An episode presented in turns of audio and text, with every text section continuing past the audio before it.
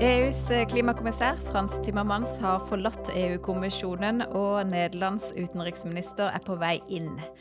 Hva betyr mannskapsskiftet for EUs klimaarbeid, og hvorfor er det en økende motstand i Europa mot EUs klimapolitikk? Hjertelig velkommen til Energi og klima, der vi også skal komme inn på sommerens ekstremvær, og hva vi vet om i hvor stor grad menneskeskapte klimaendringer har gjort ekstremværhendelser mer sannsynlig. Mitt navn er Kirsten Øystese. Jeg sitter i Bergen. Og med fra Brussel er energi- og klimas korrespondent Alf Olask. Hallo. Ja, hallo, hallo. Aller først, eh, Frans Timmermans ønsker ikke å fortsette som EUs klimakommissær. Han vil i stedet hjem til Nederland og kjempe om eh, statsministerposten. Hva har Timmermans betydd for EUs klimapolitikk? For det første så er han jo ikke bare klimakommissær, han er jo liksom det som heter executive vice president for hele liksom det grønne skiftet, og har på en måte hatt en veldig stor eh, portefølje. Eh, antageligvis den kommissæren som har den største eh, sånn enkeltporteføljen, og var jo også kandidat i sin tid til å bli president i EU-kommisjonen. Men sosialdemokratene, som han da tilhører, nådde ikke opp i Europaparlamentet, og det ble da Eh, det konservative europeiske folkepartiet, EPP, med Ursula von der Leyen som da ble president. Eh, så det, og det er helt klart at han er en eh, han er en ganske dynamisk person, for å si det forsiktig. Veldig språkmektig. Og har jo hatt en arbeidskapasitet som har vært formidabel, og har jo frontet klimapolitikken og tatt eh, på godt og vondt også veldig stor plass. Eh, I, eh, på den europeiske politiske arena, men også utenfor EU. Det har jo ikke blant å gjøre med hans, hans betydelige språkkunnskaper. Han snakker russisk, italiensk, fransk, tysk, engelsk og selvfølgelig nederlandsk, da, siden han er nederlender. Men du sier på godt og vondt, på hvilken måte?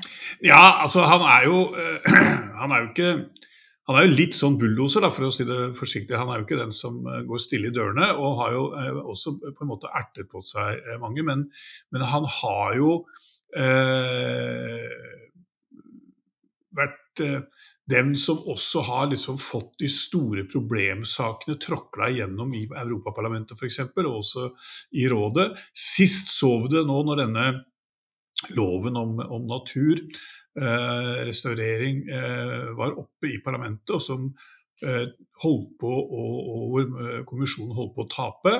Eh, det var han som frontet det der. Det var eh, Ursula von der Leyens parti, EPP, som jo snudde og stemte mot loven. Men han klarte altså å overbevise nok eh, av disse sentrumkonservative folkene til at man med veldig knapp margin fikk den igjennom. Og det ble lagt merke til at Ursula von der Leyen satt ganske stille i, i, i den runden, mens han uh, jobbet uh, hardt for det.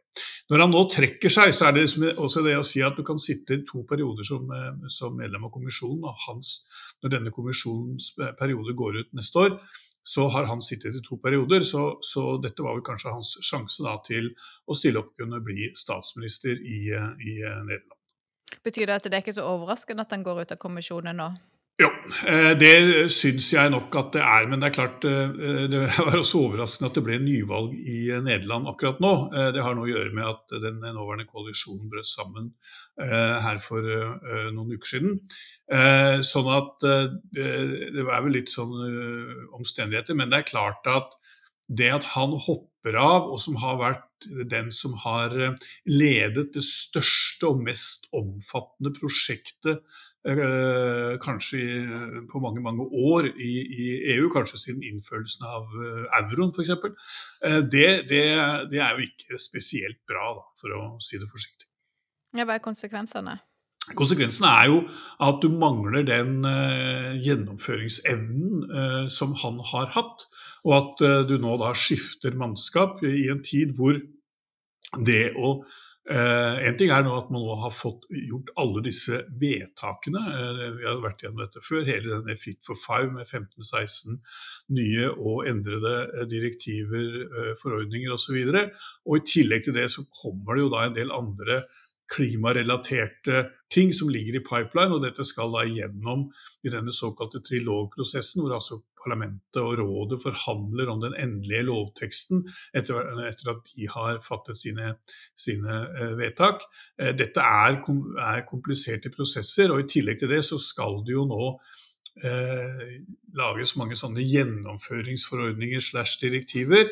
Eh, bare på CBAM, denne karbontollen, så er det vel et dusin som skal lages. Disse tingene her skal eh, også gjennom. Det gjenstår en del detaljer. Og der kan man nok kanskje eh, komme til å savne eh, Timmermans eh, eh, innsats og arbeidsevne og og også på mange måter bøtter med sjarm. Han, han, er en virkelig sånn eh, brumlebass, men, men, eh, men, også med en betydelig sjarm. Hmm. Hvert av EUs 27 medlemsland har jo ett medlem i kommisjonen, så når Timmermans nå går ut, så kommer det en ny nederlender inn. Og det ligger an til å bli Nederlands utenriksminister Wopke Hokstra, hvis da Europaparlamentet godkjenner han. Og Hokstra er foreslått som ny klimakommissær, men så får han ikke hele klimaporteføljen. Hvorfor ikke? Nei, det, er jo oppstått en del eh, strider rundt dette. Eh, fordi at, som vi var inne på, eh, Hokstra er eh, konservativ. Eh, leder det partiet i Nederland som er medlem av denne EPP. Eh, og den nederlandske regjeringen, og vel også han, har vært blant de som har sagt at man kanskje liksom må bremse litt av reformtakten i klimapolitikken. Eh, iallfall gitt noen signaler som er, som er tolket i den retningen.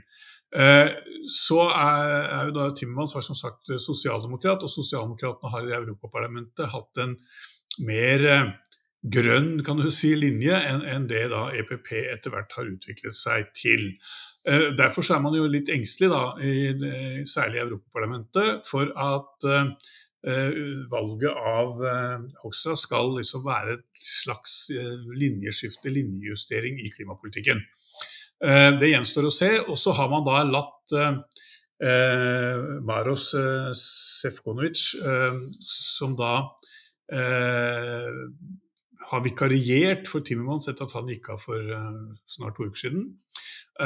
så deler man da denne porteføljen noe opp, og så er det da eh, Sefcovic, som da blir eh, liksom eh, executive vice president, og som da eh, får en noe høyere rang og skal overse hele eh, området, mens da eh, Hokstra skal ha liksom klimabiten. Du kan på en måte si at Hokstra også da skal ha den utenriksklimagreia, kommer til å reise på på eh, internasjonale klimamøter, mens eh, selve denne Green Deal eh, ligger da hos, hos den, hos Sefconovic.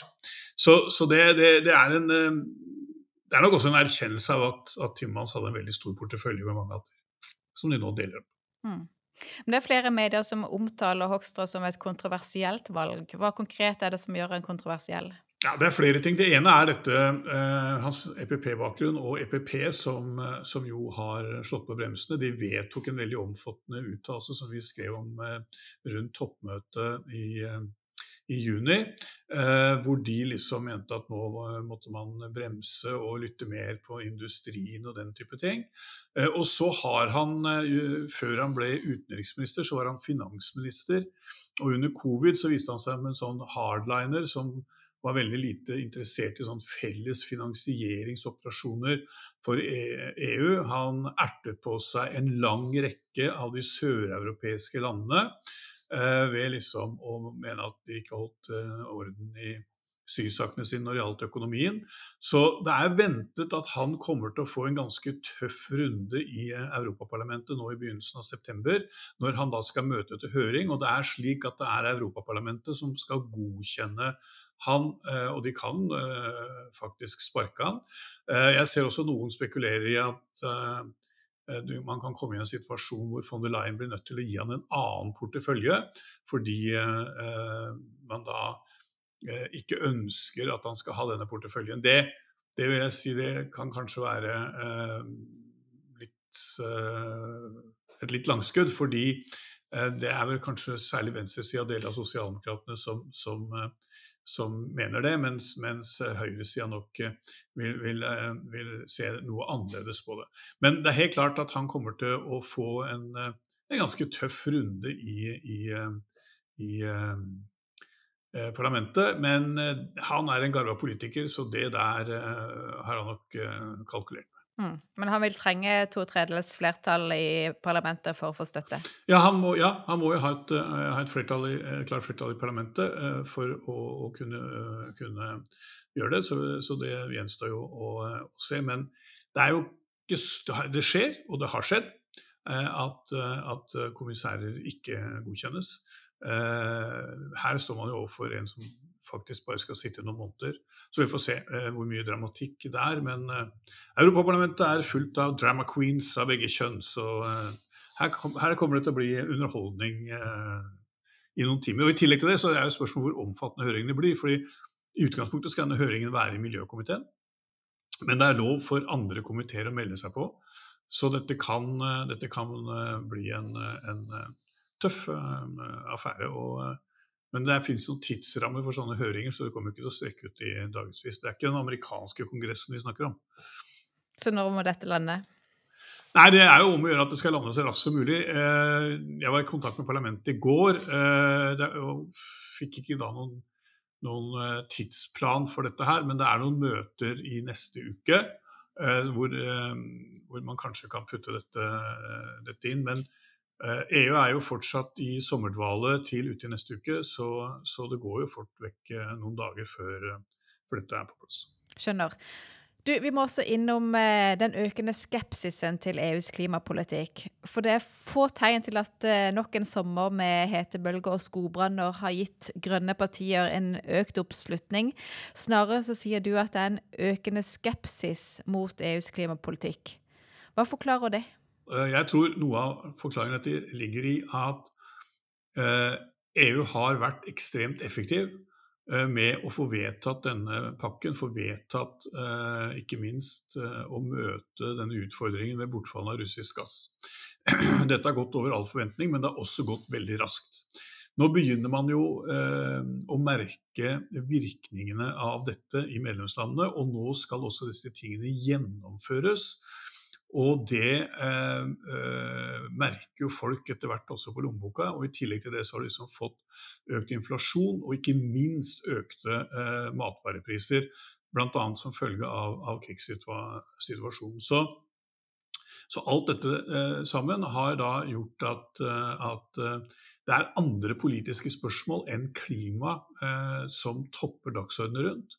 Og vi har sett at klima, altså de grønne partiene stort sett ikke går noe særlig fram, mens vi ser at i Finland, i Sverige eh, f.eks., eh, to land som jo står oss nær, så har da Sandfinnene, som er et, et ytterliggående høyreparti i Finland, og som ikke er så særlig glad i klimapolitikken, og så har du Sverigedemokraterna, som er en del av regjeringsgrunnlaget i Sverige, og som har presset den svenske regjeringen til å justere sin klimapolitikk.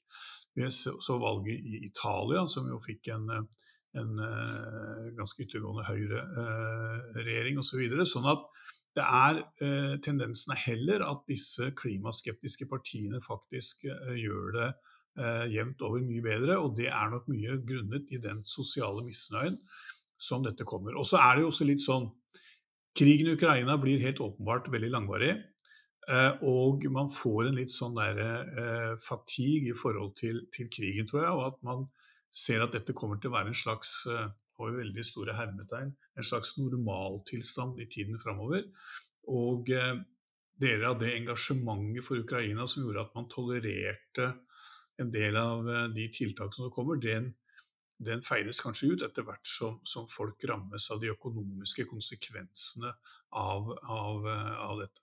Så, så, her tror jeg det er et sammensatt bilde. Det som er interessant, det er jo å skue fremover og se på det valget til Europaparlamentet som skal være i juni neste år.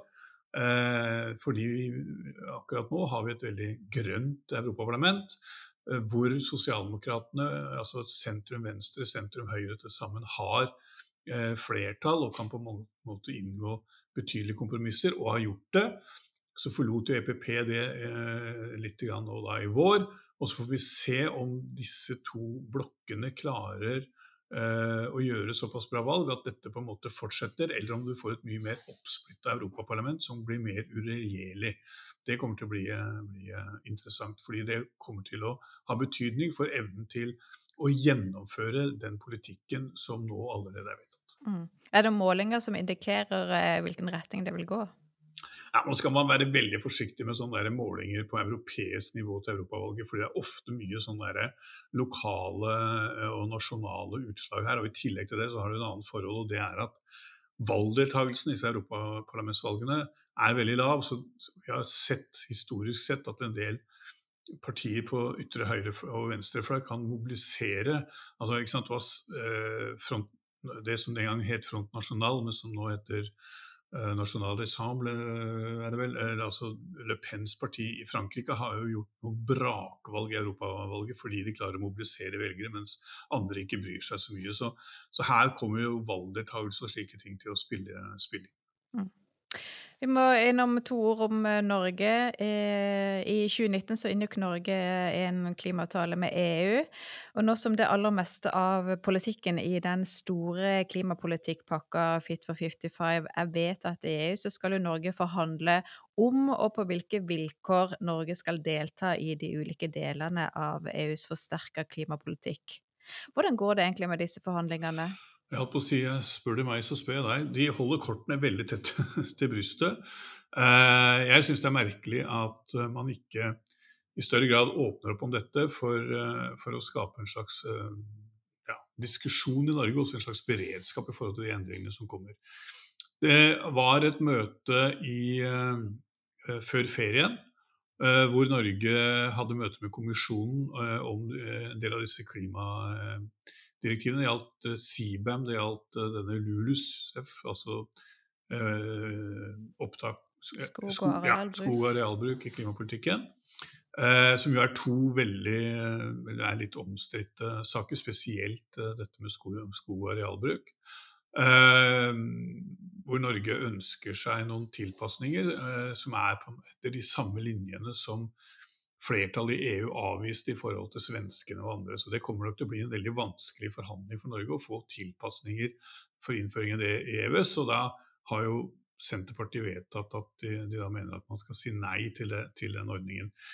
Eh, når det gjelder eh, tilpasningen til eh, EUs nye kvotehandelssystem og det å få skipsfart f.eks. inn i kvotesystemet, så er vel signalene at dette forsøker regjeringen å få til. og Det må da gjennom Stortinget i høst, og da kommer det vel et eller annet i forbindelse med budsjettet.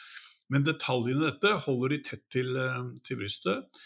Eh, det pågår uh, ulike prosesser både i EFTA og mellom EFTA-landene, EFTA-EØS-landene og kommisjonen om dette. Det er en betydelig bekymring i kommisjonen Eh, for at eh, EFTA-landene og Norge da ikke klarer å gjøre dette raskt nok. Særlig de direktivene innenfor klima som eh, har en effekt på det indre marked.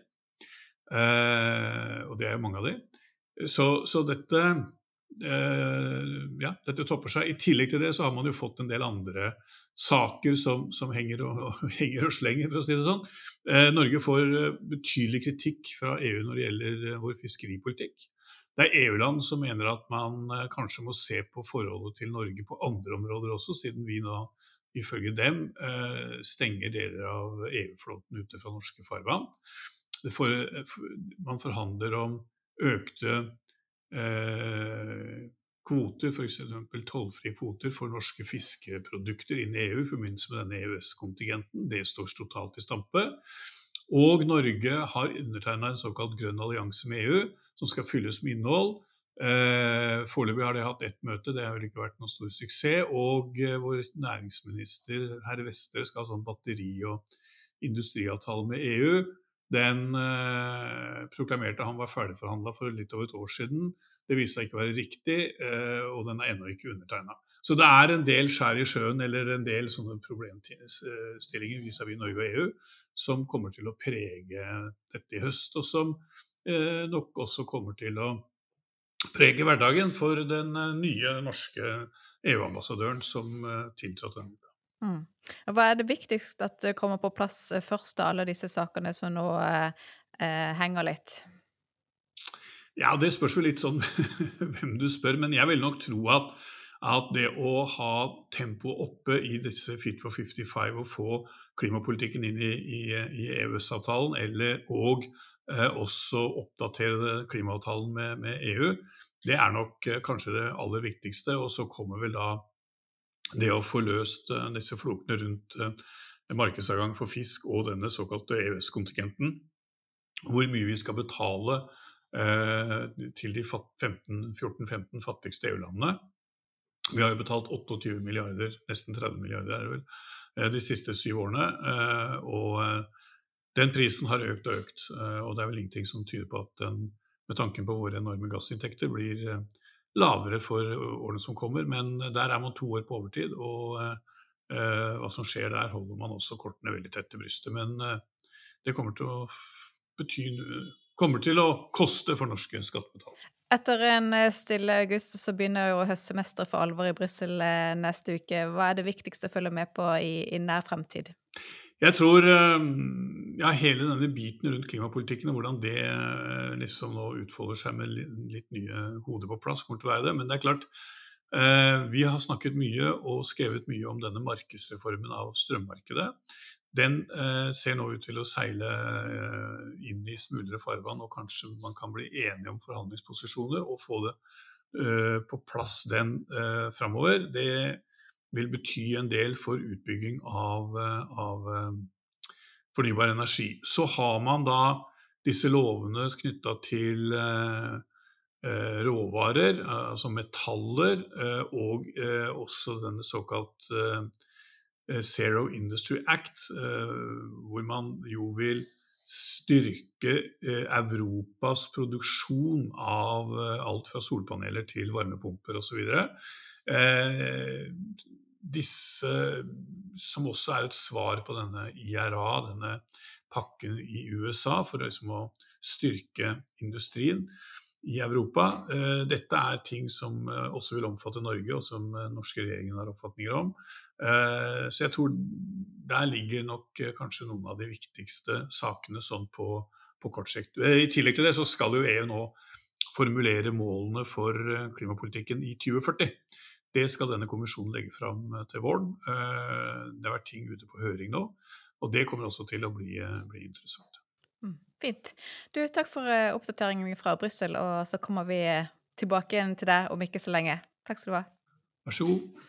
Vi har eh, opplevd en sommer med varmerekorder, hetebølger og skogbranner. Og her i Norge så fikk vi ekstremværet Hans i august, med nedbørsmengder som vi ikke har sett på 100 år. Og kollega Lars Ursin, i hvor stor grad skyldes disse ulike ekstreme hendelsene klimaendringer, og hva er bare naturlige variasjoner? Ja, Det er det som er så utrolig vanskelig å si. fordi Du får aldri noen klimaforskere til å si, til å fastslå at dette, denne skogbanen kommer av klimaendringer, eller denne flommen kommer av klimaendringer. Men det de sier på den kronglete forskermåten sin, er at det at dette ekstremværet kom, ble gjort så og så mye mer sannsynlig pga. klimaendringer. Og Det er litt frustrerende, men det betyr jo at de egentlig sier det de samme som de alltid har gjort, at vi kommer til å se denne typen fenomen hyppigere. Så det begrepet sånn 50-årsflom mister på en måte litt betydning. For det kommer til å komme oftere enn hvert 50. år. Men de kan ikke si at liksom hans var pga. klimaendringene. Det tror jeg ikke vi kommer til å høre noen si. Men nå holder det faktisk på å komme en sånn attribusjonsstudie som skal si noe om sammenhengen mellom klimaendringer og hans. Ja, Attribusjonsstudie, hva er det? Nei, Det ligger litt i det også litt kronglete ordet attribusjon, som, som, handler om at du, du, på en måte tillegger årsak og virkning. ikke sant? At det, du sier at dette er så og så mye pga. klimaendringer. Og Det er noe som heter World Weather Attribution, som er en sånn gruppe forskere som er basert i, i, Storbritannia, ledet av en tysk forsker som heter Fridrik Otto. Og det disse forskerne har gjort, er at de har laget en metode for å eh, vise hvor mye mer sannsynlig det er blitt pga. Eh, eh, menneskeskapte klimagassutslipp. Eh, så det er på en måte den, den menneskeskapte delen av, det, av, klimasystemet som de på en måte da eh, holder på den ene siden. Og så kjører de det gjennom klimamodeller, og så prøver de uten menneskeskapte CO2-utslipp. Og så ser de hva slags vær vi mest sannsynlig ville fått da. Og da finner de at det været som ble et ekstremvær, det kommer oftere med den menneskeskapte komponenten enn uten den. Um, og det som er litt sånn spesielt med dette, du, Når du driver forskningsprosjekter, så driver du først liksom, samler inn penger, og så eh, begynner du å forske, og da samler du masse data, og så bruker du masse tid på å analysere data, og så skriver du, og så liksom sender du dette inn til en, en eh, journal som skal liksom publisere det, tidsskrift som skal publisere det, og så skal de lese på det, så skal de fagfellevurdere det. Det er en prosess som tar mange, mange år. Så det Fredrike Otto og disse her gjorde, var at de tok og først fikk fagfellevurdert selve metoden. Og så fant de ut, da, når den har gått gjennom en haug med forskere som har vært kritiske og, og kjipe og sagt jeg kan ikke gjøre det, de må skrive sånn, eller jeg kan ikke måle på den måten, og så på en måte har de justert og justert og justert, og så har de endelig liksom fått fagfellevurdert metoden. Og da kan de på en måte bare bytte ut dataene for hver gang.